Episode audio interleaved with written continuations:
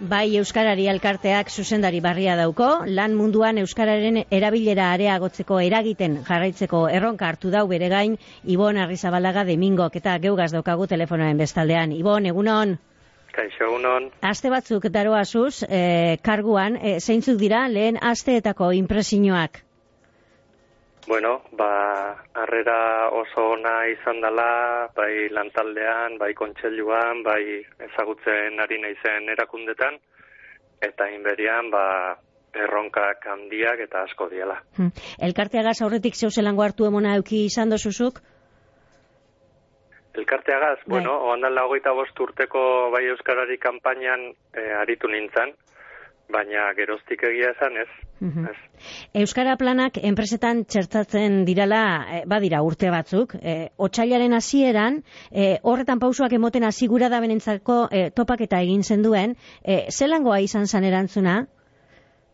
Ba, uste baino hobea, e, aretoa bete zan, eta antxe istu istu onginen, e, irizarreko ormaiztegin duen plantokian, e, ba, bueno, enpresa batzuk e, aitzindariak dianak ondala markadak azizianak euskara lantzen aurkeztu zuten, ba, euskara planen inguruko beraien ezagutza, modu labur eta ulergarrian, eta zeuden beste enpresa batzuk, ba, jaso izan zuten horren berri, eta ba, egia esan e, nahiko genuke normaiztegin egindakoa, ba, beste leku batzuetan errepikatu, eta ba, urrengoa bizkaian izatea berri polita litzake.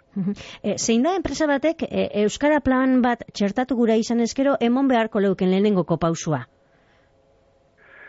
E, bueno, urratxe ezberdina daude. E, ikusi behar da, enpresa horretan Euskara planan sustatu nahi duna nordan, ez da? Ezberdina da, zuzendaritzak nahi duen, ala e, langile batzuk nahi duten, ala kooperatiba dan, ala Ordon, e, horretarako, igual, onena litzake gure webunean sartu, bai euskarari.eus, eta euskaragileak e, proiektuan sartzea ze. Hor daude, txertatuta, e, ormaiztegin enpresa hauek eman zituzten e, PowerPoint guztiak, azalpen guztiekin. Eta bestela, zuzenean guri elkartera deitu, eta lagunduko geniak, eh? Eta e, enpresa batek galdetu eskero Euskara txertatzeak berari ze ekarpen egingo leuskion? Ba, urtarrilean egon da e, Euskalduna jauregian Bilbon Eusko Jorlarintzak antolatutako languages lanean kongresua, eta han ez bertako enpresek bakarrik, nazioarteko enpresa handiak ere esate zuten onurak e, buka ezinak ziala, izkuntza kudeak eta martxan jartzen duten enpresek, e, benefit, inglesez, alegia, dirutan eta etekinetan, nabarmen azala, bai bezeroekiko, bai barmen mailan sortzezen atxikiminduekiko, e, hori, uka ezinezko onurak zitula, e, arreta jartzea, eta enpresaren kudeak eta orokorrean, hizkuntza kudeak eta ere txertatzeak. Ez bakarrik euskera gaur egun enpresak munduari begira daude eta erabaki behar da ze esparrutan ze hizkuntza erabiliko duen enpresa bakoitzak. Barne mailan, planta bakoitzan, bileretan, bezeroekin, ornitzaileekin eta horrek e, ba, onura ekonomikoak eta bestelakoak dakazki enpresentzat bai Euskarari elkartetik e, emoten dozuen eta urtero banatzen dozu esan, e, bai Euskarari ziurtagiriak moduren batera edo bestera e, hori dakar, ez da? Horren aitortza egiten da neurri baten? Bai, e, ziurtagiria e,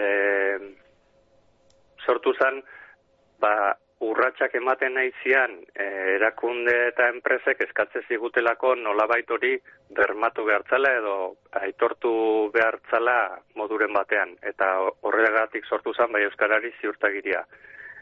Ziurtagiriak hori aitortzeaz gain laguntza ere ematen du eta jarraipena egiten du gaur egun ia mila iruregun ziurtagiri dun daude Euskal Herrian zazpi provintzietan eta guztiekin urtero egiten da segimendua jarraipena eta evaluazioa helburuak bete ote dian ala ez eta aurrengo urterako helburuak ba jartzen dira, berresten dira, berriak ala lengoak eta bueno, prozesu bada lagunduta elkar lagunduta egiten dana ez da e, lortze ezun titulu bat edo edo pegatina bat. Da, kompromisoak hartzeko eta betetzen jarraitzeko bide bat. Lehen aitatu duzun languitxiz lanean kongresu horretan, Roberto Gutierrezek, bai Euskara Alkarteko zure aurreko zuzendariak aitatu eban bertan, Euskara lan munduan txertatzeko sistema egituratu behar dugula. E, zeintzuk pausu edo zeintzuk faktore landu beharko geunke horretarako? Bueno, hori komplexua da, ba, e, eragile askok e, parte hartu behar dutelako ez da, batetik enpresak jakina, baina administrazioak ere zerikusia handia dakate, bestetik daude sindikatuak, bestetik daude euskal gintzako eragileak eta holkularitzak. Guzti hori e, egituratuko duen ba, takit, programa bat, balde batetik politikoa eta beste batetik gizarte mailakoa behar da. Eta, eta ez da urratxa hondirik eman horretan amarka dauetan, orduan bagabezia hondiakin gaude bai. Erronka handia daukazu parean, e, orain e, pausuak emoten hasi barri zara mm, bai Euskarari alkartean zuzendari barri modura. Sorterik onena opa dutzugu Ibon Arrizabalaga demingo eta hurrengo baten be egingo dugu itzordua bai, e, bai Euskarari alkartetik egiten zabizienak e, ezagutzera emoteko. Eskerrik asko, gaurkoan geure deiari erantzutearen. Eskerrik asko.